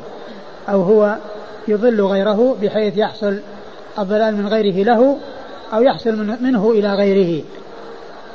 أو أزل أو أزل. وهذا من جنس أزل أو أزل أو أزل أو أزل. ومعنى أزل يعني أنه يحصل منه يعني خطأ وقد يكون غير مقصود وهو يريد أن يسلم من الخطأ سواء كان يعني متعمدا أو غير متعمد سواء كان بعمد أو بغير بقصد أو بغير قصد أن يسلمه الله عز وجل من الخطأ. أو أزل أو أزل أو أظلم أو أظلم. أي أظلم غيري أو يظلمني آه، غيري. أظلم غيري يحصل من الظلم لغيري أو يحصل الظلم من غيري لي. وهذا يعني لا يستقيم إلا بالبناء المجهول بالنسبة للثاني. لأن الأول يصلح للبناء المعلوم والبناء المجهول. بأن يقال أزل وأضل أزل وأضل وأما هنا ما فيه إلا أظلم ما فيه ما فيه صيغة أخرى أو معنى آخر. لأن فيه كونه يعني يظلم أو يظلم. إما يحصل الظلم منه لغيره أو يحصل آه، ظلم غيره له يحصل ظلم غيره له لأن الأول يعني فيه الأول لازم لأن قوله أضل وأزل يعني أنه آه، يعني غير متعدي يعني حصل الضلال له. وأما أضل يعني يضلني غيري آه، أضل يعني أضل غيري وأما هنا ما فيه إلا صيغة واحدة وهي أن أظلم أي أن غيري يظلمني. أظلم غيري وغيري أو غيري يظلمني. أن أظلم أي أظلم غيري. لأن هذا متعدي أظلم. ما فيه لزوم لأن الظلم يكون منه لغيره. وقد يكون منه لنفسه. وقد يكون منه لنفسه. يعني كونه يعني يظلم نفسه. وذلك بالوقوع يعني في الأمور المحرمات لأن هذا ظلم للنفس. أو أظلم أو أظلم أو أجهل أو يجهل علي. أجهل يعني يحصل منه فعل أهل الجهالة وفعل الجهل والسفة على غيره بأن يحصل منه لغيره ما يعني فعل الجاهلين. أو يجهل عليه يعني يحصل من غيره أن آه، يعمل له مثل هذا العمل الذي هو فعل أهل الجهل. فهذا من أدعية الرسول الكريم عليه أفضل الصلاة والتسليم عندما يخرج من منزله كان يدعو بهذا الدعاء العظيم الذي هو السلامة من من من الضلال والزلل والظلم والجهل نعم قال حدثنا مسلم بن إبراهيم مسلم بن إبراهيم الفراهيدي وهو ثقة أخرج له أصحاب الكتب الستة. قال عن شعبة عن شعبة بالحجاج الواسطي ثم البصري وهو ثقة أخرج له أصحاب الكتب الستة. عن منصور عن منصور وهو المعتمر منصور المعتمر بن عبد الرحمن. منصور في منصور بن معتمر ومنصور بن عبد الرحمن. منصور بن معتمر هو المشهور بالرواية يعني الذي روى يعني يعني يروي عن كثير ويأتي عند أبي داود بكثرة. وكذلك أيضا يأتي عند أبي داود منصور بن عبد الرحمن. لكن الذي يأتي ذكره كثيرا وهم مشايخ شعبة ومن تلاميذ آه، الشعبي كل من آه، منصور بن معتمر ومنصور بن عبد الرحمن.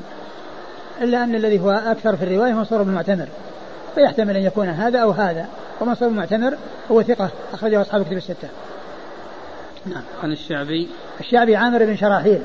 الشعبي وهو ثقة أخرج له أصحاب الكتب الستة. عن أم سلمة. عن أم سلمة أم المؤمنين رضي الله تعالى عنها وأرضاها وهي هند بنت أبي أمية وحديثها أخرجه أصحاب الكتب الستة.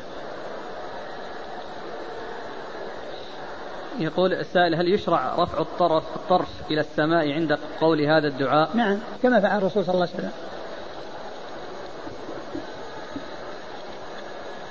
قال حدثنا إبراهيم بن الحسن الخثعمي قال حدثنا حجاج بن محمد عن ابن جريج عن إسحاق بن عبد الله بن أبي طلحة عن أنس بن مالك رضي الله عنه أن النبي صلى الله عليه وعلى آله وسلم قال إذا خرج الرجل من بيته فقال بسم الله توكلت على الله لا حول ولا قوة إلا بالله قال يقال حينئذ هديت وكفيت ووقيت فتتنحى له الشياطين فيقول له شيطان آخر كيف لك برجل قد هدي وكفي ووقي ثم ورد أبو داود حديث أنس بن مالك رضي الله تعالى عنه أن النبي صلى الله عليه وسلم قال إذا خرج الرجل من منزله وقال بسم الله توكلت على الله لا حول ولا قوة إلا بالله تنحى له الشياطين تنحى يعني من أجله يعني عنه يعني آه، تنحى له يعني من أجله يعني عنه آه، آه، فيقول شيطان لشيطان كيف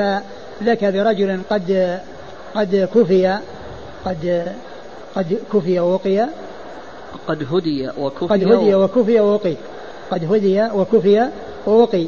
يعني حصلت له هذه الأمور أن الله تعالى هداه وكفاه يعني آه، ووقاه آه، كفاه ما أهمه ووقاه يعني شرور أو حصول الشر له من غيره ومعنى ذلك أنه آه، تحصل له السلامة وذلك باعتماده على الله عز وجل وتوكله عليه وذكر اسمه سبحانه وتعالى فيقول بسم الله توكلت على الله لا حول ولا قوة إلا بالله. نعم. قال حدثنا إبراهيم بن الحسن الخثعمي إبراهيم الحسن الخثعمي هو